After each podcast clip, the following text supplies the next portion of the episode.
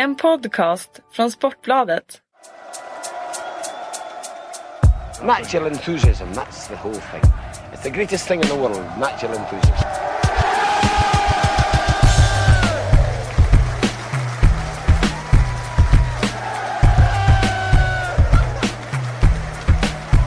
Välkomna säger vi då till alla kära lyssnare av Sportbladets Premier League-podd. Eh, Mitt namn är Patrik Syk, jag sitter här med Kalle Karlsson. Idag är det du och jag. Ja, det blev ju en lite tunnare laguppställning idag men eh, Det är ju sådär när det ska spelas Champions League i Sverige, då, då bränner man ut kollegorna. så är det. Det är jobbigt med dubbelspel. Ja, absolut. Eh, vi ska förstås prata en hel del om, om eh, Champions League. Eh, vi ska dock inte prata Malmö, men vi, vi kan väl börja eh, med det som väl har varit den stora snackisen. Eh, och det har varit Brendan Rodgers och Liverpool som fortsätter att gå trögt. Även om nu eh, Brendan själv hävdar att det var liksom en fantastisk insats igår och de visade och, liksom mod och karaktär spelarna så får man 2-2 borta mot ett lag som de flesta inte ens hört talas om före den här Champions League-säsongen. Eh, vad är det för självbild han eh, skickar ut? Eh, jag tror att det är en pressad Brendan Rodgers som någonstans vill sända ut budskapet och forma folks eh, uppfattning om att eh, det finns någonting positivt att hämta från den här insatsen. Eh, Gör det det han, Ja, alltså. Ja, ett, ett, ett fint mål fick vi se i alla fall. Ett fint mål. De gör ändå en de får ändå en poäng med sig på bortaplan i Europa. Eh, jag hävdar att i bortaspel i Europa, en poäng, ja det får man godta, vinn hemmamatcherna. Nu har de ju inte gjort det i den utsträckningen som de skulle ha gjort eh, i den gruppen och, och säkrat avancemang och så. Men ehm, ja, det, någonting positivt kanske det finns då med att en Ricky Lambert gör mål igen och visar att det i alla fall finns någonting bakom en Balotelli som inte har eh, levererat. Eh, om man ska vara superoptimist så får man väl också lägga till den här statistiken att eh, Basel förlorade på den arenan, Real Madrid hade 0-0 bara, alltså fram tills 80 någonting, eh, 80 någonting. Ja, Ludogorets verkar ju vara ett sånt där lag som vi har sett i Champions League de senaste fem åren som, ja som du sa, ingen har talas om i princip. Men som är bättre när de väl kommer dit. Jag menar, Anortosis från, från Cypern var ju inte direkt någon stormakt i Europa men de chockade ju också eh, många lag och, och eh, så. Så att eh, jag tycker att eh, om vi tar Ludogorets och ger dem lite cred så, så är de ett bättre lag än vad de kanske eh, vad folk tror. Men ett nytt insläppt mål på hörna i slutet. Det verkar som att det, det finns ingen eh, quick fix för att fixa det här i, i Liverpool. Jag vet inte vad, vad de ska ta sig till nu. För nu har det här pågått under så pass lång tid det här med att de gång på gång på gång släpper in mål på fasta situationer. Och det är inte bara liksom att träna på det på träningsplanen utan Alltså det måste vara djupare än så. För det är självklart att de har tränat på det där på träningsplanen. Jag menar det gör alla lag. Och börjar man släppa in mål på fasta, ja men då tränar man ännu mer på det.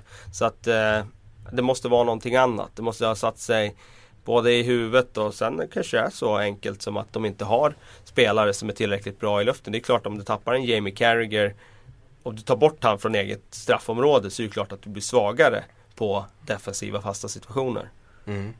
Ehm, jag såg en, en statistik eh, eh, som inte var helt eh, smickrande. Sex gånger den här eh, säsongen har Liverpool haft en uddamålsledning med, eh, jag tror att det var tio minuter kvar av matchen. I alla sex fall har man tappat den. Ja, det säger ju någonstans någonting om, om, eh, om laget och, och vilken trend de är i och kanske också att... Eh, Och den här gamnacken liksom. Ja, precis. Alltså att det mentalt har satt sig hos deras spelare nu. Att eh, Har vi en ettmålsledning när vi går in i, i slutskedet av en match så är vi inte trygga med att stänga igen butiken utan då kanske det blir tvärtom istället. Att man blir ännu mer nervös och man blir ännu mer osäker och sen börjar man eh, liksom falla tillbaka i plan. Och då bjuder man in motståndarna ännu mer, kanske på det sättet. Motståndarna känner att de möter ett lag som uppträder darrigt. Ja, då får de ännu mer energi av det. Det blir liksom som en motsatsen.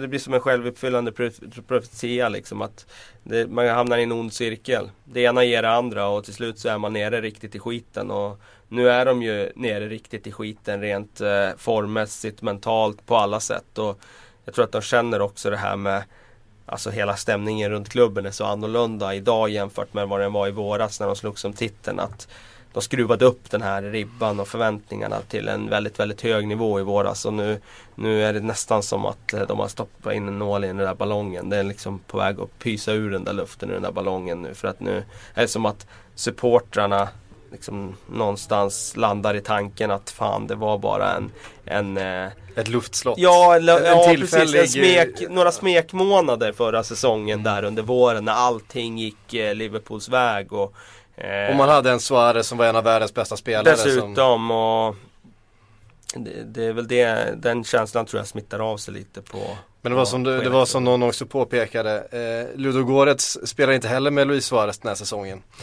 Eh, det är korrekt. Eh, vi var ju inne på det när det gällde Manchester City som ju eh, också har haft, får vi säga, en, en formdipp som man väl ser ut att ha eh, jobbat sig lite ifrån. Vi ska prata om det om en liten stund. Eh, då ställde vi liksom frågan eh, och la frågetecknet på Pellegrini ifall han var tränaren som kunde just mentalt gå in och ta den fighten och vända liksom det här minuspsyket hos spelarna. Eh, det var då vi raljerade över att Tony Pulis skulle gå in och ta över. I alla fall jag gjorde. Ja, det gjorde det. Eh, är Brendan Rodgers en manager som kan hantera ett minuspsyke tror du? Det där är så himla intressant att liksom, diskutera. För, att, för taktiskt kan han ju fotboll, Absolut, det vet vi ju. Det vet vi. Eh, alltså det som är så intressant med just tränarrollen är ju att när det går bra då, då är det väl ganska enkelt att vara tränare. För alla det är när det går emot som, som alla sätts på prov och det är då det är svårt att, eh, att hålla huvudet kallt, att ta rätt beslut, att, eh, alltså att rida ut stormar. Och eh, visserligen hade han ju ett tufft första år där. Eh, där resultaten kanske inte gick vägen men där han någonstans ändå hade fått tid att nu ska vi bygga någonting nytt och det var inte kanske samma press på honom då det här är ju egentligen första gången nu under de här två och ett halvt åren i Liverpool som han verkligen är satt under press och han ska liksom vända en, hamna i en riktigt, riktigt negativ trend. Eh, så att eh, det är nu vi verkligen kommer få se om han har det. För det, det här hade han ju inte riktigt i Swansea heller. Eh, det här är någonting alltså, nytt för hans på, ledarskap. Ja, alltså vi är tillbaka på liksom när han var i Reading liksom där det gick tungt. Och, liksom, eh, och, där, och det var ju inte en storm han red ut utan nej, lämnade han ju. Precis, då lämnade han ju. Men då hade vi ju inte full koll på honom på den tiden heller. Nej. Alltså han var ju inte satt i rampljuset på det sättet för omvärldens ögon då. Så att vi vet ju inte riktigt hur han hanterar det här. Och det är det som är så intressant att se nu. Är han liksom Messias som det kändes som lite förra året. Eh, ja, då ska, han ju, då ska han ju reda ut det här nu. Eh, och det Ja, det, känslan nu är ju att eh, de är riktigt, riktigt nere i skiten. Att det kommer att krävas eh, eh, någonting in i januari för att lyfta det här. För att eh, även om de värvar en massa spelare i somras så känns det som att det finns luckor att fylla i den där truppen. Och den är inte, den är inte så bra som som man hade önskat. Nej. Eh, Mignolet svarade på kritiken genom att bjuda på en, eh, en riktigt enkel retur får man säga på första Ja, eh, jag vet inte vilken kritik du tänker på om det är från, från Bruce Grubelard eller? ja, precis. Han har ja. fått, han har fått från flera från många håll. Ja, absolut. Just eh, inför matchen igår var det ju den tyngsta eh, ifrån. Jag tycker att han är en osäkerhetsfaktor och han sprider eh, liksom den här eh, osäkerheten som ett försvar i ett lag med en dålig trend inte behöver. Och jag är förvånad faktiskt att Liverpool inte gjorde någon ansats där med Victor Valdez som ändå var liksom tillgänglig på marknaden och sådär. Eh, att han gick och tränade med Manchester United istället för, för Liverpool tycker jag var lite förvånande faktiskt. Eh, med tanke på att ja, Mignolet inte har övertygat. Nu är det ju nya rykten här om Peter Käck här till januari och det vore ja. väl fantastiskt i så fall. Ja det är väl eh, Världens det, bästa andra målvakt Ja, ja men, men, fortfarande i mina ögon en av världens fem bästa målvakter. Ja han är med där uppe. Eh, skulle jag säga. Om man inte har spelat så många minuter den här säsongen. Han är bra på trummor. Mm, det också. Eh, det gillar vi. Eh, vi har fått en fråga utav, ifrån Gabbe Aug LFC. Eh, han skriver så här, borde FSG, alltså Fenway Sports Group, gå tillbaks, eh, Liverpools ägare då, gå tillbaks till sin grundtanke med en sportchef? Och varför vill inte Brennan Rodgers ha in en försvarstränare? För det har jag, ju- det har jag ju sagt. Att nej, jag vill inte ha in någon eh, speciell som är ansvarig över eh, eh, försvaret. Ja, eh, Han, det, var ju, det var ju också Brennan Rodgers som satte stopp för sportchefsplanerna. Ja, om vi tar sportchefsgrejen så tror jag att eh, det där är så himla svårt för att eh, har du en manager som är stark eh, då kommer han inte vilja jobba under en, eh, en sportchef. Så det alltså, Sir Alex hade ju aldrig tillåtit att Manchester United hade liksom stoppat in en sportchef. Nu fick ju Brennan väldigt mycket eh, liksom mandat förra året med sin Man succé. hamnade ju i en kompromiss där med den här värvnings... eh, Gruppen där, Ja, liksom, precis. Eh, kommittén där som Vär, Värvningskommittén, till vilket var någon sorts kom, kompromiss mellan eh, att Brennan Rodgers ville ha mer ansvar men FSG ändå ville liksom ha någon sorts utomstående kontroll över värvningarna. Ja precis, och nu har väl ehm, eh, Brandon med den här hösten ett mindre mandat. Så nu skulle ju FSG kunna köra över honom och säga att vi tillsätter det här. För de kan ju titta på värvningarna också och säga att Nej, men den här och den här och den här och den här har inte fungerat. För det är ju, ja jag skriver om det tidigare, det är liksom det frågetecknen man har haft kring Brennan Rogers kring värvningar just. Där har han ju verkligen inte satt dem. Eh, och det är möjligt att, eh, att det skulle kunna vara en modell och, och hitta en sportchef där och, som skulle kunna jobba. Cortese kanske, ledig. Eh, som byggde upp Southampton. Eh, sen är det ju intressant där med, sa med försvarschef. Det där kan ju bara Brennan Rodgers svara på själv. Jag har inte en aning varför han inte vill få in en sån. Om man känner då att en sån eh, försvarschef skulle ha eh, Se för stora brister eh, ha liksom ha för, för, eh, för mycket eh, liksom idéer då om att eh, hela spelidén skulle förändras för att åtgärda de här försvarsbristerna. Annars kan jag inte se någon anledning till att, att eller ja, han tycker väl att han kan det bäst själv. Alltså så. Ja, att det inte behövs liksom. Nej, precis. Eh, någonstans där måste det ligga. Eh, Stoke till helgen. Tufft. Ja, ett Stoke som gick och förlorade hemma väldigt överraskande senast hemma mot Burnley. De lär vara revanschsugna så. Eh, alltså, de är ju aldrig, man vet aldrig vad man har om där Stoke. Alltså nu den här säsongen, man har ju alltid sagt så, ja men Britannia, där är det svårt att vinna. Mm. Men de har ju inte ens varit bra på hemmaplan i år Stoke. De har ju varit bra på bortaplan istället. Där har de gått och tagit tunga skalper som City borta till exempel. Tottenham Precis. borta. Och nu är, nu är det ju på Anfield Nu till är det helgen, på Anfield till helgen och det går inte utesluta att de liksom gör det bra där också. Det verkar passa dem bättre nu med de typerna av spelarna de har. Där kan man också säga, det är lite intressant med Stoke hur de har lagt om sin spelidé. Förut var det långa bollar, ja men det passar bra på hemmaplan. Sätta tryck på Mm. motståndarna, publiken i ryggen. Påfrestande att komma upp till Li- a Wind United Stoke Men li, liksom. och liten plan och, och, liten och, plan och, och, tvinga fram det där eh, liksom inläggsspelet hos motståndarna. Ja. Så har man en Robert Hood som ja, står där och knoppar bort dem. och i princip längre spel i alla lägen. Inte bara liksom från Ja, kanterna de är väl inlägg, utan- Europas längsta lag va? Ja Eh, det var de ju och sen var de Jag i tror, det de är, jag laget tror de är det som... fortfarande. Ja det kanske de är fortfarande. När, när Peter Crouch spelar. eh, Ja, okej. eh, jag tror att de har en medellängd på 1,88. Ja det är, Vilket är otroligt långt. långt. Det är långt.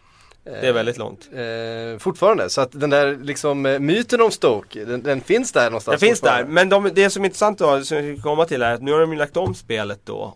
Och nu har de ju lite mindre anfallare där framme. De kan ju i alla fall spela med mindre spelare. De spelar med Bojan, Victor Moses, Mohamed Diouf och eh, liksom vem de nu har till höger. Om det är Walters eller om det är Arnautovic eller vem det är nu är. Eh, då passar deras spel bättre på bortaplan. Där de här snabba spelarna får ligga och kontringsspela istället.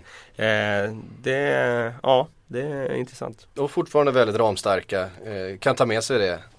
Eh, vart man än Ja, åker. Ryan Man- Shawcross har gjort Ja. flera riktigt, riktigt bra matcher i höst. Eh, Vi pratade om honom någon gång tidigare i podden att eh, eh, han har varit en av de bästa försvararna skulle jag säga i höst i Premier League faktiskt. Och han är ju en, liksom, han är stabil i det att det är alltid jobbigt att möta Shawcross. Det gör ju ont.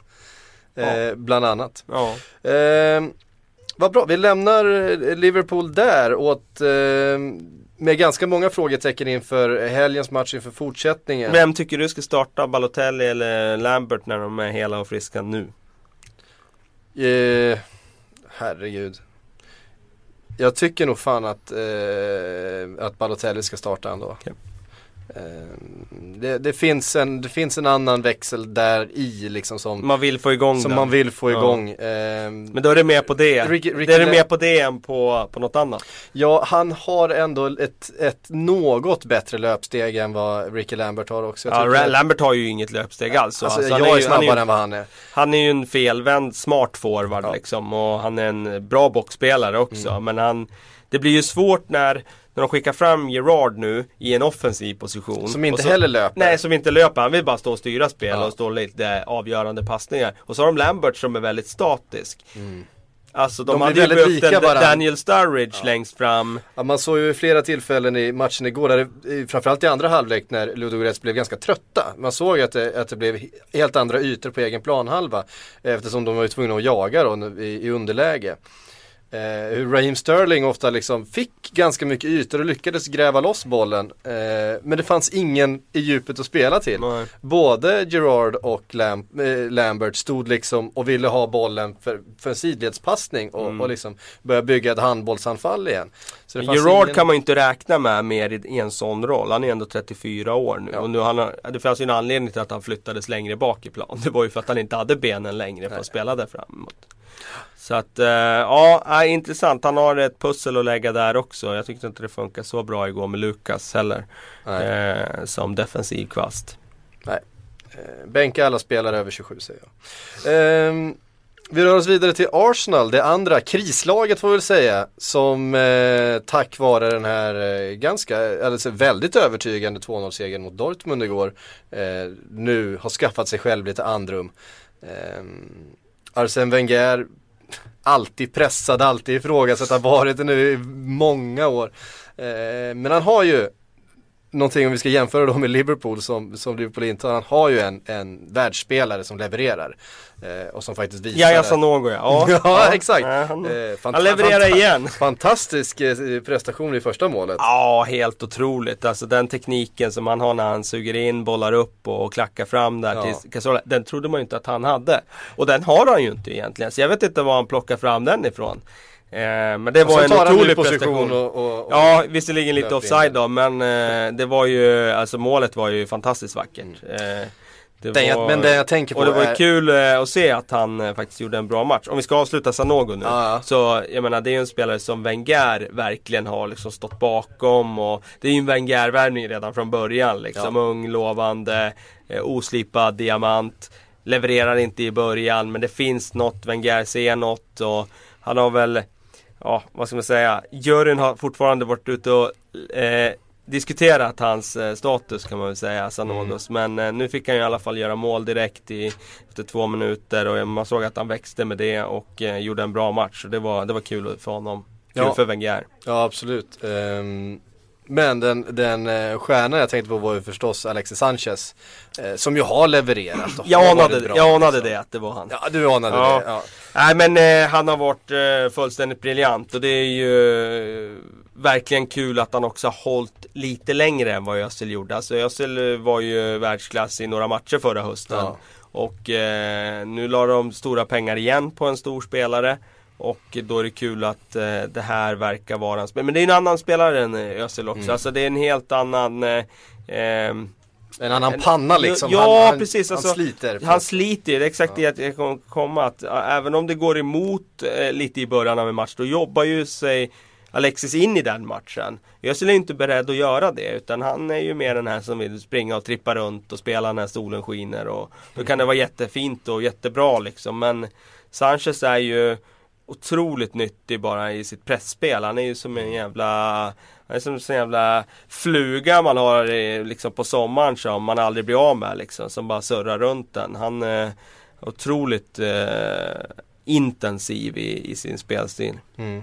Jag vill ge ett litet Och- plus till, till Aaron Ramsey eh, faktiskt igår också som sprang otroligt mycket. Ja, jag måste, och- du måste ha jinxat den där någonting på, på eftersom jag skrev om Aaron Ramsey och hans svaga form här i höst. Eh, Jag lyckades ju jinxa Diaby en gång här för ett par år sedan, vilket många Arsenal-supportrar påminner mig om lite då och då. Jag skrev upp han där efter, eller jag skrev upp och skrev upp, men jag skrev en lång text om han när han hade gjort en fantastisk match på Anfield.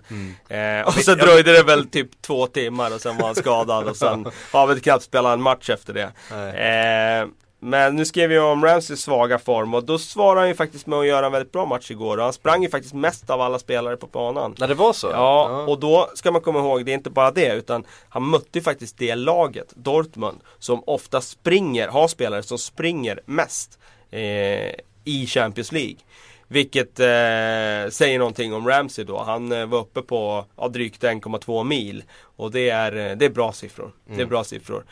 Eh, Dortmund när de är som allra bäst då kan de vara uppe på 1,3-1,4 och det är sanslösa siffror. Ja. Dit når man inte. Något som är intressant med det där med just Det är sånt som typen- Bielsa brukar kräva av sina spelare. Ja precis, alltså, absolut. Och det, där ser man väl också på Dortmund att den här 88 generationen och den generationen som Klopp hade, de har blivit äldre och de, de klarar inte av det här längre. Det är därför de ligger där de ligger i Bundesliga nu. Sen har de såklart tappat väldigt, väldigt duktiga spelare nu de senaste åren.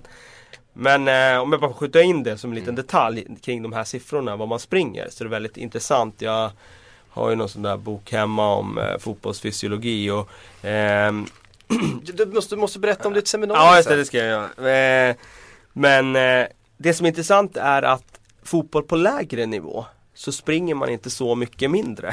Alltså i en division 5 match så springer spelarna inte så mycket kortare än vad spelarna gör på toppnivå. Säg nu att de, nu låg Ramsey på 1,2 men det fanns ju spelare igår på plan som låg på 1,1 eh, i Champions League så. Eh, och kanske på en mil också. En division 5-spelare springer 0,9 eller en mil också. Mm. Ja, men, Skillnaden eh, är... Snittet brukar väl ligga strax över Ja. en mil i en Premier League-match? Ja precis, och, eh, ja, drygt en mil ska jag säga. Mm. Och eh, på lägre nivå 0,9 ungefär. Mm. Eh, så det är en kilometer mindre bara. Men skillnaden är ju alltså hög, antalet högintensiva löpningar. Det är det som är den stora skillnaden. Och där är det enorm skillnad. Hur må, vad, vad har ni för snitt i Karlberg? Eh, ja, Har ni någon sån mätare? Nej, vi har ingen sån mätare men det vore intressant att ha. Ja. Så jag har ingen uppfattning Gamla om det. Karlbergare då? Det beror på, snittet beror ganska mycket Ja, på hur mycket det. Robert Laul spelar. Ja, nu spelar han ju inte alls. Nu har han lagt skorna på hyllan så att eh, nu eh, tar han inte så många högintensiva löpningar. Det gjorde han nog inte de sista åren ändå.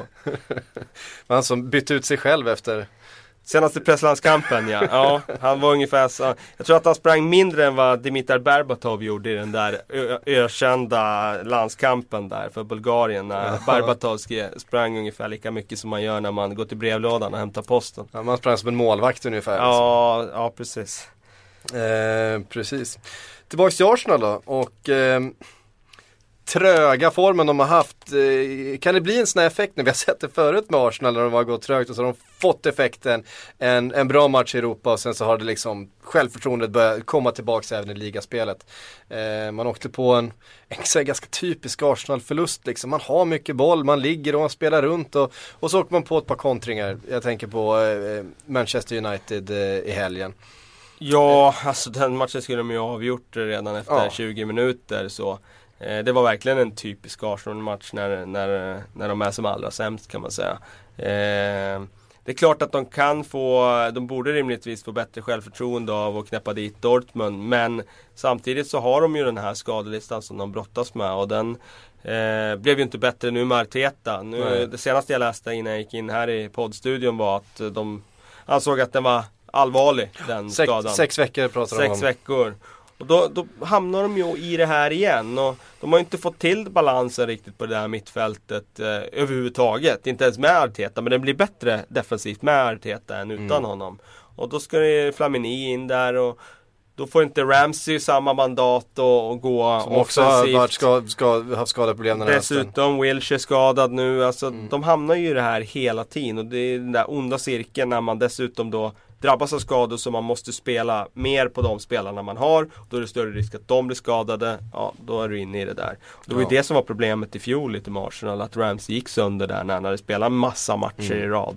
Eh, och kanske inte borde Och ha var spelat den där fantastiskt matchen. bra. Alltså, Otroligt han bra. eh, var ju Arsenals bästa spelare då. Han när var ju ligans bästa spelare fram till att Suarez började eh, liksom ösa in mål där i slutet av november, början av Mm. december. Innan det hade ju Ramsey blivit vald till månadens spelare typ två, två tre gånger liksom. Mm. Nej så var det. Ehm, tuffa bud och det är liksom, det går ju liksom inte att, att prata om Arsenal i en sån här podcast utan att nämna en skada. Det, det, är, det är så tråkigt tycker jag. Ja, Det, det, går liksom inte över liksom. Ehm, Arsenal som sagt, eh, 2-0 igår. Säkrade avancemang från gruppen för femtonde året i rad. Man kan säga vad man vill om Arsene Wenger men han är konstant i alla fall. Han har hög lägstanivå. Ja, det är otroligt imponerande den statistiken. Jag menar, bara kolla på andra klubbar som, som inte har lyckats med det. Det är väl eh, Är det Real Madrid som också har gjort det? Eh, som har klarat sig på det sättet. Jag vet inte. Men annars är det Mm. nog ingen annan klubb som har, som har klarat det år efter Inte ens år. Bayern München väl? Nej, nej.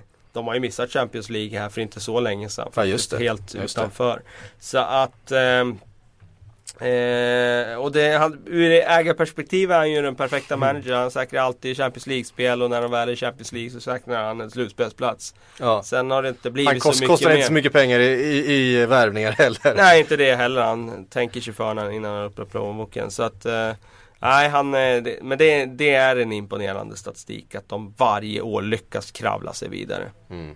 Men ändå finns väldigt, väldigt, väldigt starka röster som vill ha bort Wenger. Ja, jag förstår det. Alltså, när man eh, år efter år byggde den där arenan och pratade om att när den är färdigbyggd och vi har börjat betala av lån, då ska vi få se en liksom. Och sen, sen uteblir den där utvecklingen. Alltså, Arsenal i år jämfört med i fjol är ju sämre. Om man tar, om man bara tar ett skärsnitt av deras eh, position och deras status för ett år tillbaka. Då ledde de ligan med fyra poäng. Och man kände att det var, det var klubben mådde väldigt, väldigt bra. Mm. Och så skruvar vi fram tiden ett år och eh, de har fått ytterligare liksom två transferfönster på sig då, januari och sommaren tänker jag på att eh, ytterligare spetsa truppen, pengar finns. Men man eh, liksom negligerar behovet som alla kan se av defensiva förstärkningar. Och så gör man inte dem och så hamnar man i det här igen och man känner att klubben plötsligt är på väg åt fel håll. Och Wenger har sitt eh, Wengerska sätt att inte överhuvudtaget vilja mm, eh, liksom eh, vara resonabel med någon av sina principer. Utan han kör på i sitt spår och med sina skygglappar. Ja, det är klart att fansen som betalar dyra pengar för att se deras lag spela, att de, eh, att de eh, är missnöjda. Ja. Eh, det känns som att, nu har jag i och för sig känt tidigare också men jag, jag har alltid stått bakom Wenger så. Men jag har känt själv att eh, framåt sommaren så där har man ju känt de senaste tre åren. Då kanske han ska överväga liksom eh, om han ska vara kvar. Men det är alltid s- slutat med någonting positivt. De har tagit den där fjärde platsen, de har tagit den där Champions League-platsen. Eller som li, i- li, ligacupen. Ja, det har de ju inte gjort då. Men, Ja, gjorde- gjorde men, nu, men nu i våras vann de ju FA-cupen. Ja, precis, och då blev det ju det. verkligen en Mm. positiv eh, alltså effekt av det. Och ehm, då var det ju liksom känslan var ju då att nu kommer jag Arsenal ta avstamp mot större titlar. För det, det var ju liksom få en titel ombord. Nu, nu eh, kommer det här ge någon slags smak och, och erfarenhet till de här spelarna som kommer att lyfta dem inför nästa säsong. Men det, det har sett eh, riktigt mörkt ut den här hösten. Mm. Eh, det har det. Vet vad Jag tycker inte de spelar den fotbollen heller. Alltså de spelar inte så bra fotboll den här hösten som de har gjort tidigare. Alltså visst, eh, första halvtimmen med Manchester United så spelar de bra. Men Mm. andra matcher, om vi pratar andra matcher så tycker jag inte Tycker inte de spelar det där Arsenal-spelet, inte det där, har inte det där flowet som, eh, som man eh, hade i match efter match förr. Så man, jag tyckte man kunde ana lite igår. Mm, precis, Eh, igår var det tillbaka lite. mm. Farten och, ja men liksom Ja, inte, faktiskt det- inte så lite heller, ganska mycket tyckte jag man såg. Man kände igen Arsenal, eh, det där effektiva Arsenal. Ja, som- bra passningsspel Ja. också eh, emellanåt. Ja, absolut. Jag håller med dig. Eh, och så var det synd att Oxlade Chamberlains eh, skott i, som gick i ribban där inte gick in. Han har ju varit väldigt, väldigt bra senaste Ja. veckorna så han var ju värd att få göra ett sånt mål. Det var, ja det var synd. Jag gillar den där typen av avslut. Jag gillar, jag gillar för- beslutet. Att Ja, liksom men- så här, inte gå på kraft men ändå liksom, man lobbar liksom nästan. Exakt, när man får en på lite studs sådär, de där spelarna borde kunna göra det oftare. Mm. För så svårt är inte det där eh, om man tränar varje dag att skjuta på det där sättet. Över, för målvakten står ofta någon meter ut liksom. Och, Och få den där bågen och sätta den över, det är inte så himla svårt. och ni eh, unga killar och tjejer som eh, lyssnar på det här som eh, känner att oh, det där skulle jag vilja se mycket mer av. Googla en kille som heter Luke Nillis. En eh, favorit från 90-talet. Han var mästaren på och att det där lobbskottet från, från 30 meter i bortre krysset. Han gjorde det hur många gånger som helst. Eh, Youtubare, Luke Nillis, eh, gammal belgare. Eh, vet du vad Kalle? Vi ska ta en liten paus på några sekunder, sen är vi tillbaks. Då ska vi prata Manchester City, Chelsea, eh, lite Tottenham och Southampton och allt möjligt. Hej, jag Ryan Reynolds. At Mint Mobile, we like to do the opposite of what Big Wireless does. They charge you a lot, we charge you a little. So naturally, when they announced they'd be raising their prices due to inflation, we decided to deflate our prices due to not hating you. That's right. We're cutting the price of Mint Unlimited from $30 a month to just $15 a month. Give it a try at mintmobile.com slash switch. $45 upfront for three months plus taxes and fees. Promo rate for new customers for limited time. Unlimited more than 40 gigabytes per month. Slows. Full terms at mintmobile.com.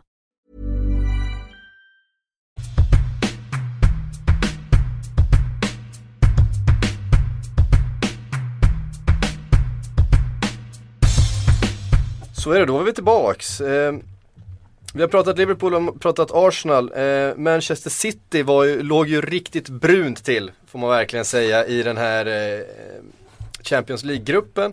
Eh, det gör man inte längre på samma sätt.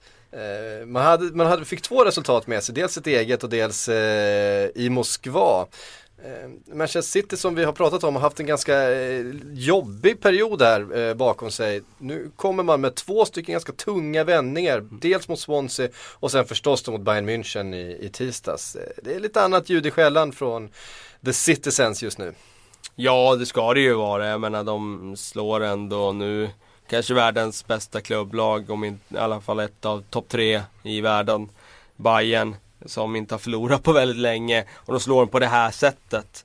Ligger under, fem minuter kvar, får in en kvittering, får in ett segermål. Mm. Det är klart att, eh, att, de, eh, att, det, att bara en sån här seger lyfter liksom stämningen kring hela, kring hela City. Sen att de dessutom har då en spelare som eh, spelar som på en egen nivå och nu faktiskt eh, kanske kan ta det där klivet upp och vara en av de bästa i världen och anses vara det av, av eh, omvärlden också. Det, det gör ju också att de, de har någon att hänga upp det på liksom. Agüero har ju verkligen eh, klivit fram och blivit en, eh, en, eh, alltså en fullständig nyckelspelare för City. Han har en förmåga att vinna bollar som man inte eh, tror ska gå mot, mot försvarare. Alltså det, det, han är så snabb och han är så Stark smart. och, han är balans liksom, och äh, han har, eh, han har, eh, och så får han alltid bollen på mål. ja dessutom. Eh, han är fantastisk. Man har sett att han trevat lite grann under, under hösten här. Han har ju varit liksom skadedrabbad under förra året och haft lite, man ser ändå att han det har liksom känts på honom att han själv har känt sig i bra form, att han har haft bra tryck i steget och att han, han har varit där och han har skjutit på mycket och han har rivit och slitit och nu börjar det liksom, nu börjar man verkligen se frukten utav eh, det slitet. Det, det är fantastiskt att se. När andra spelare i, i City eh, har en lite sämre säsong får man säga. Jag tänker på Yahya Touré till exempel. Ja, det var ju ingen slump nu att han inte var med här och att de gjorde så Nej. pass bra match här. Eh, faktiskt. Eh, de har ju haft, eh, det är framförallt i Europaspelet tycker jag som, som Jaja har haft problem. Nu gjorde ju han en väldigt bra match mot Swansea här måste jag säga. Eh, när de vände och vann då. Han gjorde ett riktigt klassmål i den Ja, matchen också. Fullständigt eh, briljant. Eh, men det är väl ju så sådana här matcher som Bayern borta. Då har ju han verkligen varit en belastning för laget egentligen. Bara för att han springer runt och lallar runt i defensiv. Det håller ju inte mot så bra lag. Och, eh, där kan man väl känna då kanske att ja, det kanske är så att han ska vila i de sådana matcher. Mm. Så. till och med en sån bra spelare som jag är ska vila en sån match. Jag vet inte. Mm. Om man ställer Han ut är, en ju ingen, defensiv... han är ju ingen junior längre. Nej han är ju Det- inte det och det kanske är bättre att spara han då till, eh, till andra typer av matcher. Han kanske inte ska spela alla matcher och är det några matcher han ska vila kanske är de här där man behöver vara defensiv. För då kommer ju inte han, han kommer ju inte ta jobbet liksom. För det, han skiter ju i det liksom. Ja.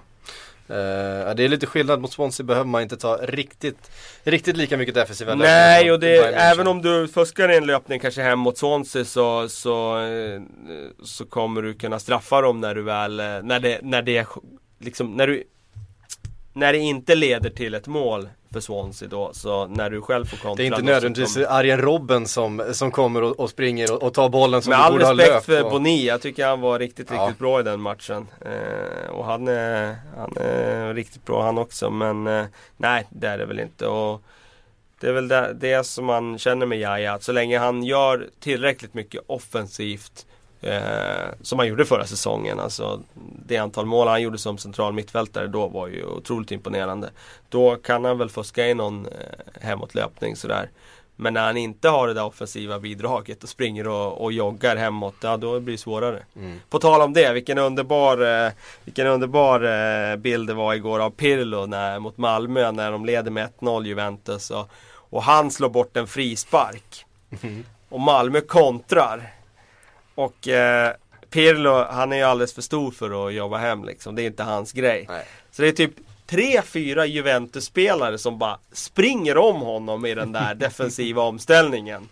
Och han, fort, han, han, han joggar ju liksom.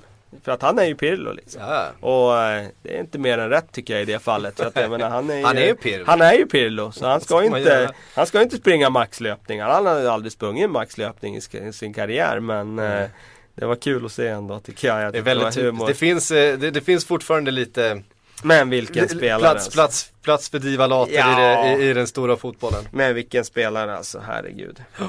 Därför vi brukar ju ofta prata om det, att det finns liksom inte plats för rollspelaren längre. Alla måste liksom, eh, ska vara duktiga soldater och springa på allting och positionen är det viktigaste och så här. Men det, liksom, det måste finnas plats för, Ja, För, är man eh, tillräckligt bra. för en Pirlo också liksom. Ja, är man tillräckligt bra så att man ger laget mer än vad de förlorar på det man försakar, då, då kan man vara det. Och Pirlo är det. Och det finns några till som är det. Mm. Eh, på tal om det så tyckte jag, jag såg lite grann på eh, Monacos match igår och noterade att Berbatov var riktigt bra. Mhm, vad kul. Eh, stundtals i, i, i det mötet. På tal om spelare som inte alltid tar hem jobbet. Ja, just det. Jo. Manchester City var det. Inte mycket att tillägga egentligen. De, ehm, Mangala eh, startade bredvid kompani. Ehm, kanske kan man få igång honom. Det varit eh, Det blir oerhört fråge- viktigt för dem att, att få det. För att Mm. eh, det känns fortfarande som, nu har det varit det ganska många år, men det är den där positionen som som är deras akilleshäl fortfarande. Ja, vilka har Det passerat var där ju liksom. Vi har- Mangala som skulle bli den som skulle, ja men det, det är ju hur många som helst. Ja. Jag menar de värvar ju Lescott för att eh, Han skulle vara den. Ja det precis, inte. och så blev han inte det. Nastasic har testat, Demikelis har testat, tycker Mm. Demikelis gjorde en väldigt, väldigt bra vår. Eh, men hela förra hösten var ju han liksom eh, verkligen svagheten i den där backlinjen. Nu kom Mangala in, skulle bli den här spelaren har darrat lite grann i början men eh, jag tror ändå att det finns en kapacitet där som det går att plocka fram här framöver. Mm. Eh, Manchester City det. Eh, Chelsea har också spelat eh, Europa, Europa-fotboll. Eh, man städade av Ny- Schalke Nytt fiasko, nytt fiasko. Nej det är ju eh, De ser så tunga ut nu, kul alltså. att se Chelsea nu för att eh, det, det är så sällan om man tar den enskilda klubben, det är så sällan man har upplever ett sånt där år när allting faller på plats. Mm. Det är liksom eh, Ja vi pratar liksom, det är en gång på 20 år kanske. Eh, nu har Chelsea ett sånt år. Det är liksom Eh, ja, man kan ju för sig argumentera då för att de hade det redan 2004 05 där när de vann ligan och, och Mm. satte poängrekord och sådär. Och i och för sig då, en klubb som Chelsea med de pengarna kanske kan ha det där året två gånger på 20 år. Mm. Men eh, nu är det som att det finns inga svagheter i det där laget. Allting bara flyter på. Spelarna, alla spelar med ett enormt självförtroende. Ingen lång skadelista. De avgör matcher tidigt. Vilket gör att de behöver inte slita på materialet och då är man inne i den där goda cirkeln. Ja men då kan du ju spela med samma startelva hela tiden. För om du bara ska spela av en andra halvlek borta mot Schalke när du leder med 3-0. Ja men det, det är ju från minut 60 till 90 som det sliter på material. Om det går ner till lågvarvsmatch då, lågtempomatch, ja men då, då sliter det ju inte på samma sätt. Och nu är de inne i det där. Och då, liksom... och då kan du ha en spelare som Williams, eh, Williams som egentligen inte ens är startspelare i deras eh, bästa start, alltså går in och gör ett hattrick. Ja, och jag menar det, det, säger ju så enormt mycket om deras eh, liksom, kvalitet på den där truppen när de kan skicka in en William som är liksom världsklass i sin position. Mm. Och bara ja, nej men eh, Och sen är ju inte bara världs... Det är det som är det fina också med Chelsea nu och Mourinho och allt det han gör och bidrar med. att William är ju inte bara världsklass individuellt utan han är ju dessutom en spelare som är beredd att vara en av elva spelare i försvarsarbetet också. Och då är det som att, ja det går ju inte att komma runt dem på något sätt nu. Det är liksom De har elva spelare som försvarar de har elva spelare som, eh, eller ja, elva ska jag inte säga, kanske inte Cahill Terry, men de har ju eh, åtta spelare i den där elvan som är väldigt, väldigt eh, duktiga på att gå framåt. De har en bollvinnartyp i Matic som inte släpper en jävel över bron. De har Fabregas som spelar liksom som i trans nu. Visar att han är en av världens absolut bästa mittfältare. Om inte den allra bästa faktiskt nu, centrala mittfältaren i världen. Alltså Mahazard som har blommat ut. Ja, alltså han är ju en världsklassytter nu. Ja. De har Diego Costa som gör de där målen. Oscar som är en otroligt bra tvåvägsspelare. Mm. Rörlig, lojal, gör mål, spelar fram. Men framförallt egentligen en sån där lite av en vattenbärare faktiskt just i Chelsea. För att de har så många andra som är kanske individuellt lite bättre. Men som, då, då tar han en annan roll och han är inte den där mata-spelaren som måste ha den centrala rollen och allt måste gå genom honom. Utan han kan löpa för, för andra också. Så att Nej, det är bara att lyfta på hatten nu. Det är, de städar undan motståndare som man Ja eh, Liksom städar undan Och de har fått den där lag från lägre divisioner. In, intimidation-faktorn verkligen. Nu, nu ser man ju lag åka till Stamford Bridge och nästan ge upp liksom, ja, mentalt. Det... Och, det, och det är inte bara, det är liksom inte bara Burnley som gör det. Alltså jag, tyck, jag tycker man har sett storlag, man har mött Chelsea, det är liksom ja, Med undantag då för Manchester United faktiskt som ju fick ett ja, kryss Ja, det var ju i och för sig eh, på bortaplan då så mm. att säga eh, Men de, de spelar ju väldigt eh, frejdigt mot Chelsea och mm. var ju lovande i den första halvleken där framförallt Sen tycker jag ju att Chelsea sen till slut ändå gjorde en väldigt, väldigt bra match De tar ledningen eh, kontrollerar den matchen egentligen fram till sista sekunden i princip. Ja. Eh, så ja, med undantag av den matchen då så känns det som att du har en poäng där med att de lagen som kommer till Stamford de känner sig lite ett slagna. Tidigt, ett tidigt mål eh, från Chelsea. Ja. ja. men då, då, är, då, då, är, då är det liksom tio, liksom. tio slagna eh, ja. spelare liksom. Eh, West Bromwich i helgen var ju en sån match. Ja. Jag menar de, de gör 2-0 tidigt och sen, liksom, sen går Claudio Jacobi och tar någon idiotisk jävla utvisning liksom. Och, ja, det kändes som en jag tror att Jakob kände sig nästan som en befrielse att komma bort från plan. Så ja, han fick gå och duscha liksom. Ja, precis. Slapp bli förnedrad med liksom. Ja. Ja men så där är det, det är liksom, men vi har pratat om det som Manchester United hade för en, för en 5-6 år sedan ja, kanske. Där, där de var så mycket bättre ja. helt enkelt än, än, än de övriga. Um, ja men det tycker jag verkligen man känner kring. Då blir återigen det här med goda cirkeln. Ja det blir ännu enklare att vinna matcherna ja. då när du liksom Och då vinner du ännu mer. Mm. Och då blir det ännu, en, ännu ytterligare lite enklare att vinna matcherna. Alltså du är inne i den där goda cirkeln. Någon måste bryta det där och det Jag ser inte riktigt nu vem som ska göra det. Det är klart att de kommer gå på en torsk eller senare liksom Här på bortaplan under vintermånaderna. Det tror mm. jag att de gör men Ja det är en eh, otrolig lagmaskin. Uh, ja det är det verkligen. Uh, vi måste väl börja prata om Chelsea som en ordentlig utmanare i Champions League också. Ja, jag, har, ju, jag har sagt att, varit att semifinal, det tror jag att de är goda för liksom. Sen, sen är det ju så himla mycket bra lag. Ja, det är så himla mycket bra lag. Det är så svårt att säga liksom vad har de för skadeläge när de är framme i den där semifinalen. Vad har motståndarna för skadeläge? Men det är klart att möter de Real Madrid, Barcelona och Bayern München så ser jag inte Chelsea som favorit i något sånt möte. Men det är klart att de kan slå dem. Absolut, självklart. Med den tränaren de har också så Precis, går det ju aldrig utesluta dem i ett dubbelmöte. Nej. Och han vet ju att eh, möter han ett lag i hysterisk form som bombar på framåt så kan han stänga ner det. Det har han gjort förut. Eh, Det var Champions League det. Eh, jag tänkte vi skulle brygga över här lite med en eh, lite annorlunda sillynyhet. Eh, som kanske eh, inte är den mest spektakulära, det är nämligen Tottenham. Som har eh, anställt Paul Mitchell, eh, Southamptons, så ska man kalla honom för chefscout eller rekryteringsansvarig. Ja, typ. Eh, något sånt. Mm. Eh, en position där Tottenham kanske skulle behöva lite förstärkning kan man tycka efter eh, de senaste somrarnas eh, storhandlande Ja. som inte riktigt har givit så mycket frukt. Nej. Om man ko- kontra Southampton då som, som vet gjort raka inte vilk, motsatsen. riktigt på vilket sätt han har jobbat men eh, Paul Mitchells CV nu den här sommaren är ju väldigt starkt med Pelle, Dusan Tadic, Sadio Mané. Alltså i princip alla spelare som har kommit till Southampton har ju varit klockrena. Hittills, ska vi säga. Hittills. Eh, det, det, man har sett eh, exempel på spelare som kommer till Premier League i väldigt, väldigt bra första liksom, månaderna och sen Det är ju eh, förstås också en, en eh, antagligen en, en person som Pochettino hade velat ha med sig från början från i somras. Säkert, säkert. När, han kom. En, en, Ung kille faktiskt, bara 32 år gammal, av och spelade när han var 27 år i MK Dons då. Bara barnet. Eh, bara barnet så att eh, det kan vara mm, en nyckelvärvning för Spurs så för att eh, alltså pengar har de ju. Eh, nu handlar det om att sätta värvningar framöver här och det, det är det varje klubb står och faller med. Alltså vilka rekryteringar man gör. Och, eh, Spurs har inte gjort det tillräckligt bra de senaste två åren för att hade de gjort det tillräckligt bra så hade de eh, varit uppe och slagit som eh, liksom, topp tre. Mm. Eh, för de pengarna har de ju lagt. Ja.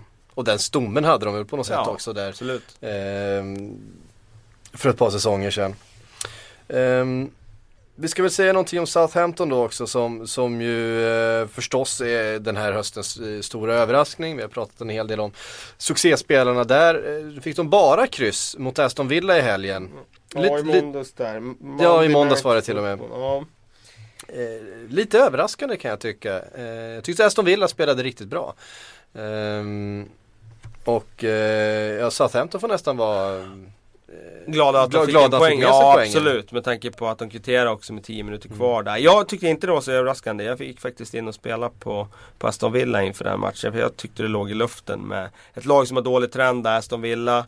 Som möter de Southampton. Som, ja men det bara kändes som att någon gång kommer den där vändningen. Eh, går de på en mina. Så att jag var lite missnöjd när de kvitterade. För att annars hade jag kvitterat ut en slant. Eh, men det var ju eh, Klein som gjorde målet och eh, vi har ju pratat om honom tidigare här men han har ju varit också en av de väldigt, väldigt positiva inslagen i Southampton den här säsongen. Nu har han ju dessutom spelat sig till en plats i landslaget och det känns faktiskt som att han är nog ordinarie där framöver i landslaget för att de har ingen bättre högerback som jag ser. Nej. Nej, det sprutar ju självförtroende om honom just nu. Alltså han tar ju, han tar ju beslut och han tar ju löpningar som man inte ser speciellt många ytterbackar i, i eh, Premier League ta faktiskt. Nej det är ju Det är han ju- och Seamus de- Coleman typ Ja, som är så frejdiga så. Eh, det var intressant också tycker jag då, får man väl nämna då att eh, min man där, Fraser Forster gjorde en riktig jävla Rembrandt vid 1-0 målet där och var ute och och tog sin borgarmärket i princip utanför straffområdet. Jag vet inte vad han höll på med riktigt. Jag tycker ju han har varit fullständigt briljant i Southampton fram till nu.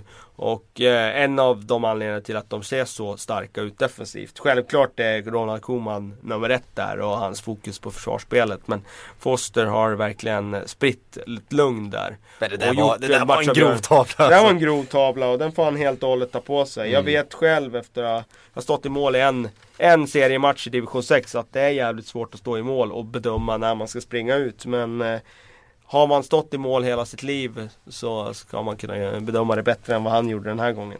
Ja, det, det kan man tycka. Nu väntar eh, ganska tuffa, tuffa matcher för Southampton. Ja det kan man ana, det är liksom för de har nu, haft ganska det- tacksamt schema. Ja, det är liksom crunch time för Koman nu. Eh, City, Arsenal, United på ett snöre. Ja, det är... Det är Vad är hemma liksom, borta där då? Eh, det har jag faktiskt inte skrivit upp. Eh, Det var ju lite dumt av mig. Jag kan kolla det snabbt här. Eh, Kolla det. Eh, det är hur som helst, det är liksom upp till bevis nu på något sätt känns det som. Ja de har City hemma, Arsenal borta, United hemma. Ja. Ja. Eh, Det kunde varit värre. Kunde ha varit värre. Ehm, det är upp till bevis, det blir ett test för dem. Eh, samtidigt skulle det inte förvåna mig om de eh, nyper någon poäng i, i de här tre matcherna eller till och med en seger i någon av de här tre matcherna. Och då kommer de ifrån de här tuffa mötena med ja, liksom, tre poäng kanske. Och då, då är det ändå rätt så bra eh, för dem faktiskt. Eh, Ja, för kan de, De- kliva in i det här intensiva julspelet ja men de har ju redan med- så många poäng. Ja men liksom, precis, så att, eh, att ligga med där topp ja, tre, Ja. vilket de antagligen kommer göra. Så att eh, eh, Men det är klart att det blir ett test för dem. Det blir intressant att se nu hur de kommer att hantera det här. För att eh, eh, de har ju inte eh, mött så många av topplagen ännu. Nej. Ehm, ska bli väldigt spännande att se. De har ju också haft ganska mycket tur med, med skador på nyckelspelare. De har Verkligen. inte, inte behövt bekymra sig så mycket om det. Nej det var väl Schneiderlin eh, Ja. var det något där nu när det var landslagsuppehåll här. Att det var något snack om Dusan Tadic och Schneiderlin. Men Tadic spelar ju sen i alla fall. Ja, eh, och Schneiderlin spelade ju i, i måndags. Ehm, vi ska ta lite frågor, det har kommit in ehm, en massa. Den här tycker jag är lite rolig. Eh, får vi slå våra eh, kloka ihop. Eh, Vi- Vincent Kolbing skriver, få ihop en startelva med bara vänsterfotade spelare i årets Premier League. Hur bra blir den? Ben Foster i mål. Aha, okej. Eh, sen vänsterback är väl Leighton Baines. Ja, det måste han ju vara. Ja. Eh, och sen Asp, Aspi är, Ja, han är inte vänsterfotad. han, han är väl högerfotad, Ja. precis. Så vänsterback, eller mittbackar där, det måste väl nästan bli en Fertongen skulle det kunna vara. Eh, Vänsterfotade höger mittbackar är det ju ont om. Ja det är det väldigt ont om. Ehm, Men eh, ja, Jolian Lescott skulle man kunna placera där. Jag tror han kan eh, kan hyfsat eh, hantera sin högerfot faktiskt för att vara vänsterfotad. ja. Eh, sen ska vi sätta en vänsterfotad eh, spelare, Kier. Kieran Gibbs tror jag. Nacho Monreal, han tror jag skulle klara av att spela högerback faktiskt. Mm. Eh, tror jag, trots att han är vänsterfotad. Mm. Sen ska vi ha ett mittfält då. Eh, Nemanja Matic ska ju såklart in där. Ja. Eh, defensiv mitt. Eh, sen kan vi, och sen vad fan ska vi ta mer då? Eh, Angel Di Maria får väl en plats. Det kan man ju tycka. Ja, Ehm, sen tycker jag väl att David Silva kan få en plats. ja, han är vänsterfotad Ja. förstås. Sen eh, tycker jag nog att eh, En högerytter med vänsterfot. Ja men det har vi redan eh, eh, Di Maria, han får spela till Han får spela till höger, ja, spela till okej. höger. Silva till vänster Nemanja centralt och så ska vi ha en, en till central vänsterfotad mittfältare. Det skulle kunna vara en sån här Char- Charlie Adam. Men jag vill ha en, jag vill ha en bättre. Jag vill ha en Jag vill ha en Gareth Barry typ. Eh, Mm. Jag vill ha en eh, Alltså ditåt. Det, Ja, nu, nu sitter vi och gör det här på uppstuds. Det Ja, verkligen. Så att eh, man kan Det hitta är- bättre. det- Moussa Dembélé är såklart men han är, inte, han är inte bättre än Gareth Barry. Nej det är han inte, det tycker inte jag heller. Eh. Daily Blind skulle man kunna tänka sig. Men Gareth Barry, jag gillar Gareth ja, Barry. okej, vi, tar, Eh, vi tar Barry då. Och två Och sen på topp, på topp då? Två vänsterfotade. Eh, Sturridge är vänsterfotad. ja, han får ju en plats. Och sen får väl Eh, Robin van Persie kanske en då. Möjligen. Ja, varför inte? Ja, där hade vi ett lag med vänsterfot. Det är ett ganska bra lag. Ja, det är ett, det är ett helt okej lag. Det är ett eh, topp det. 4-lag.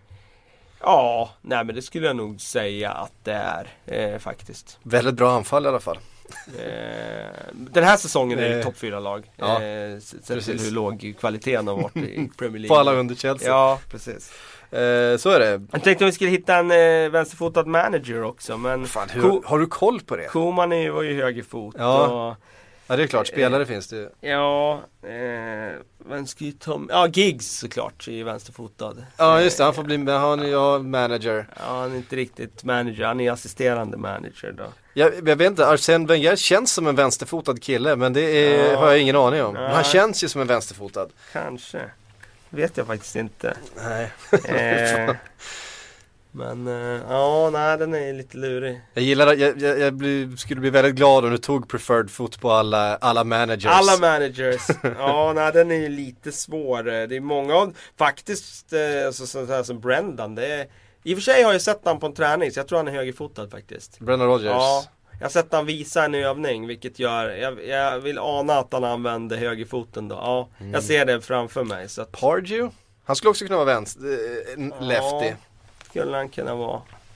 Han har ju ändå spelat på hög nivå. Alltså, Ja. Big Sam.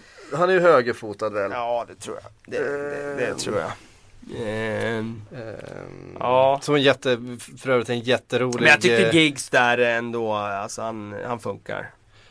Ja, ja, nej, men vi får, vi får inte, han var ju faktiskt huvudmanager för United i, i, i några matcher Ja. så, så då blir det ju Gary Monk är högerfotad vill jag minnas, så han passar inte heller. Nej. Eh, Jag såg, eh, på tal om eh, Big Sam, så såg jag en jätterolig sån här lika som bär mellan honom när han var typ 20 och Harry Styles, den här One Direction pojken som, som alla flickor är så förälskade i. De är otroligt lika. Jaha. Vilket är roligt eftersom Big Sam kanske inte är känd för att vara tvålfager nu för tiden. Leta upp den, den, var, den tyckte jag var jätterolig.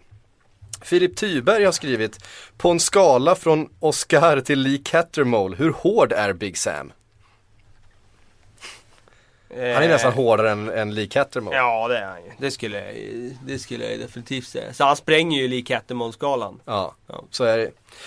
Ehm, Filip Tyberg igen, han fick med två frågor idag. Eh, behöver man som Sunderland-supporter vara orolig för nedflyttning den här säsongen? Eh, där fick vi en till vänsterfot, eller ett, ett par till vänsterfötter där med Steven Fletcher och Adam Johnson såklart. Men de gick väl inte in i den där elvan va? Nej, nej det gör de inte. Nej, Nej. Adam Johnson, vem ska han peta? Nej, det gör petar ingen inte. där och Nej. Fletcher petar inte heller någon. Nej. Och John O'Shea petar inte någon i försvaret heller. Nej, och inte verkligen Patrik van Arnold, han tar inte vänsterbacken heller. Nej, Nej, alltså, det glömmer vi. ja. Ehm, eh, ja, alltså jag tror ju att det kommer vara ett lag som, som håller till där på de där platserna. Sen tror jag ju att det blir som i fjol, att det blir väldigt många lag som är inom eh, liksom få poäng. Det är många lag som kommer få som får inställda på att de kan bli indragna i bottenstriden. Jag tror att Sunderland är ett av de lagen. Tyvärr. Ja, med, med tanke på att de kom undan med mord förra säsongen så ehm, Ja, så ja, jag tycker han ska vara orolig. han ska vara orolig. Vi har fått en fråga från Facebook också. Ni vet ju att ni kan eh, hitta oss på Facebook. Det är, som Kalle påpekade förra veckan, det är oftast där som eh, avsnittet hamnar först. Eh, om man inte då prenumererar i någon av de här apparna på RSS-feeden så kan man eh, i stort sett alltid hitta avsnittet på Facebook direkt när det har publicerats.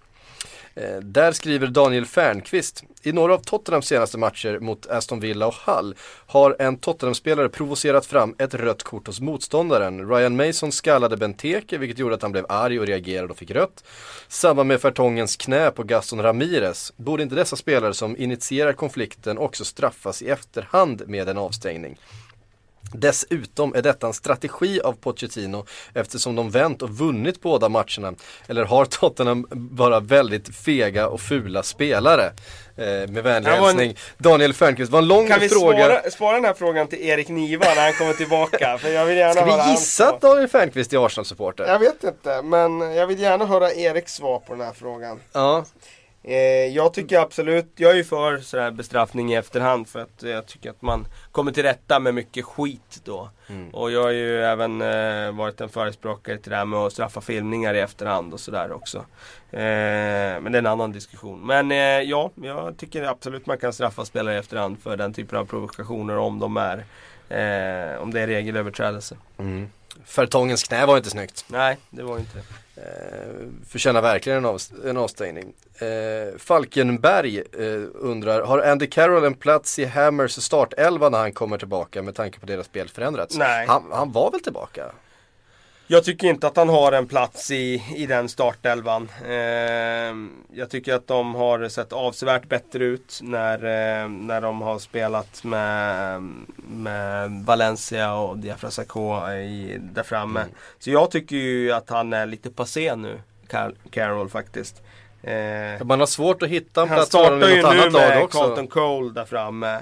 Men det var ju mest för att Valencia och Sakho saknades. På, ta, på tal om spelare som är lite passé. Ja precis, och det, det är roligt då att nu det gick de ju tillbaka på verkligen så här eh, eh, Formulär 1A, två st- stora starka forwards. Mm. Eh, så, men eh, nej jag tycker inte att han har någon plats i, i nya West Ham när Valencia och Sakho finns eh, att tillgå.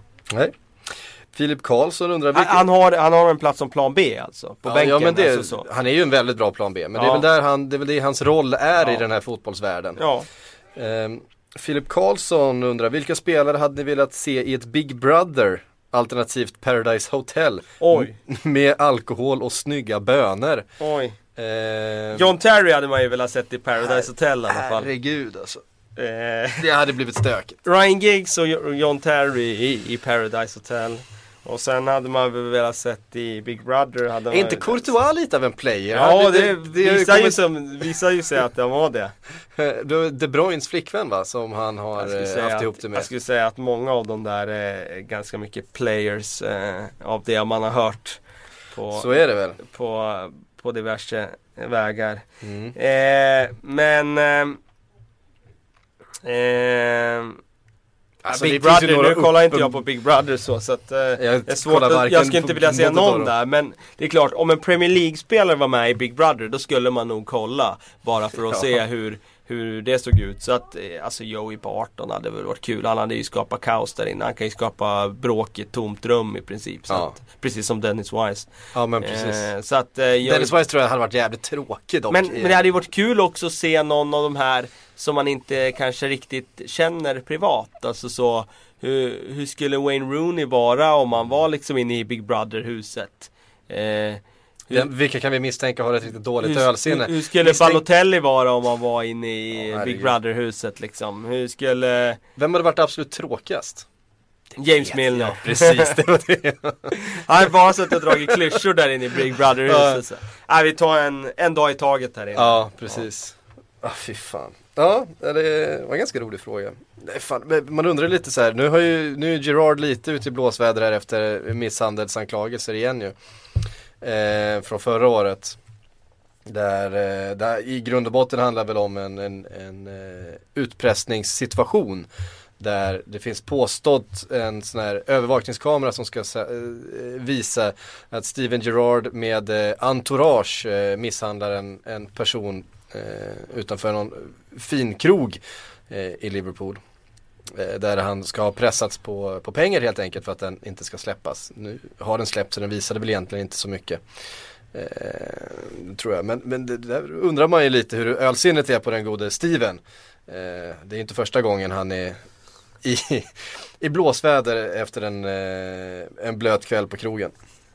Eh, I alla fall inte om man får välja, om man inte får välja musik själv. Då, då blir han ilsk.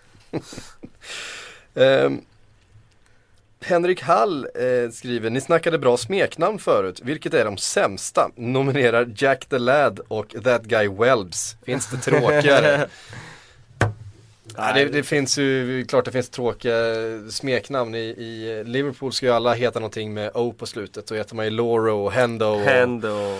eh, och så vidare. Och, ehm, men det bästa smeknamnet, det är ju Psycho. Ja. Psycho Pierce. Ja, jo men det är bra. Det är bra. Det, det går ju inte att slå. Ja, nej alltså. det, det är bra. Eh, För att det, det, det, det, det, rimmar ju så bra på. Han är ju psycho. Ja. Med, hela, med hela det brittiska folket. Ehm, kommer du på någon annan? Bra, dålig? Nej, så bra dålig. Det är inte mycket som blir så här Gassa, alltså Gascoigne, Ja. så här Wassa, Wayne Rooney. Är inte det också ganska tråkigt? så? Det är Wassa, svintråkigt. liksom. Ja, verkligen. Men eh, nej, jag vet inte. Psycho är bra. Psycho är bra. Sen eh, eh, Mirrors smeknamn på Luis Suarez är ju helt magiskt. Det det. Handball Lecter. Ja, det, det är riktigt bra faktiskt. Det är riktigt bra. Ja, det, det, sitter ett geni bakom spakarna till Ja, Mirror Footballs Twitterkonto. Ja, det får man säga. Eh, nu kommer jag det, är- det är bra alltså. Simon Palm skriver Vilken eh, nuvarande aktiv Premier League-spelare skulle utgöra den bästa sportjournalisten? Oj. Ehm, det beror ju lite på vilken roll man skulle ha som sportjournalist. Vi, vi har ju sett Gary Neville som en utomordentlig eh, Expert, expert. ja. ja, det är svårt att slå han på fingrarna. Även Jamie Carragher är väldigt bra. Båda är fullständigt briljanta. Ehm, oj, det där är ju svårt. Eh, Men nu tror jag han menar som journalist alltså snarare att bevaka andra Mm. så. Det är ju helt omöjligt att säga om jag ska vara ärlig. Alltså det Fan ska man veta det. För, Alltså det är klart de har ingångar och de har, sitter på nyheter och de hade kunnat eh, Sen ska man ha en penna också, sen ska man Mm. ha en, en näsa för det. Sen så Ja. man, ska man våga bränna lite, bränna lite broar om man ska avslöja grejer.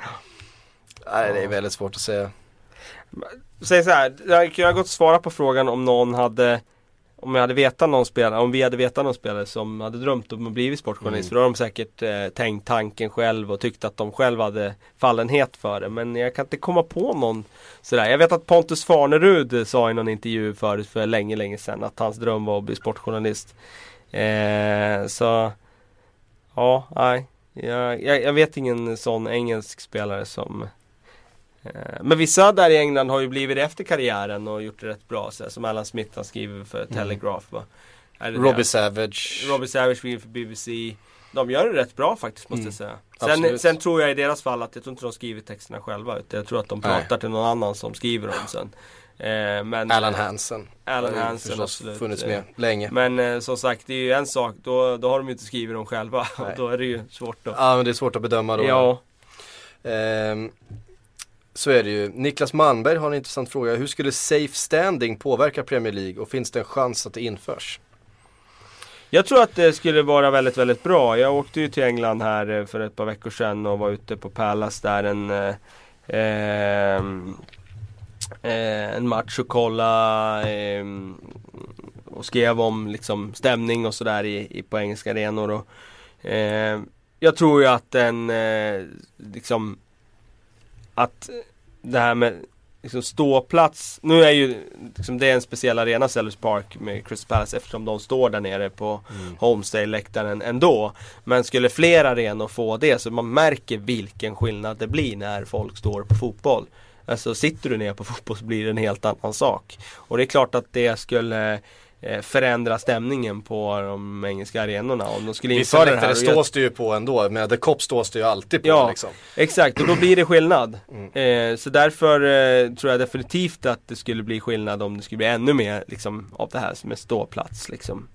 Jag tror att det, Eh. viktiga, det viktigaste här är just det ordet safe standing. Ja. För att, jag menar som ståplatsläktarna var Förut, nej, förut dit, när man kläm, man klämde in tillbaka. 20 000 pers där Ja. idag går in Nej det skulle man ju 8 000. aldrig få göra idag ändå, så att det är ju inte aktuellt. Men de har ju det här med safe standing som de har testat i Tyskland och sådär. Mm. Och jag tror absolut att det är en modell för framtiden. Jag tror det är bara liksom en tidsfråga innan det finns i England. Jag tror att eh, nu var det till och med ett, eh, ett av de här eh, populistiska partierna borta i Storbritannien som hade det som valfråga här inför valet. Att liksom, de driver den där. poäng, ja. verkligen enkla poäng. Men eh, det vore ju eh, Vore märkligt om märkligt inte om FA inte fick ett, Ja precis, det vore märkligt Ja. om de inte fick ett stort stöd och en debatt kring det där borta. Det tror jag de kommer få och därför tror jag att det kommer bli det inom kort. Ehm, Joel Sahlqvist Vinell får eh, dagens sista fråga. Mm. Vem har Premier Leagues stökigaste spelstil?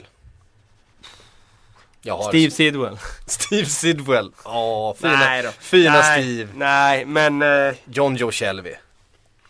Ja, jag kan köpa det. Jag kan köpa det. Det- Men det beror på vad du menar med stökigt. För han har ju Alltså jag, när jag tänker stökig då är det ju mer en som är jävligt oestetisk och jävligt så här, inte speciellt bra liksom. Men Johnny Shelby tycker ju jag faktiskt är rätt bra. Ja, också. jo, det är Eh, sen är han ju väldigt mycket upp och ner, han blandar och ger. Men stökig, jag tänker ju mer på Lee Cattermole är ganska stö, stökig. rivig liksom eh, spelare så. Eh, det finns ju inte den riktigt spelartypen idag som det fanns förut.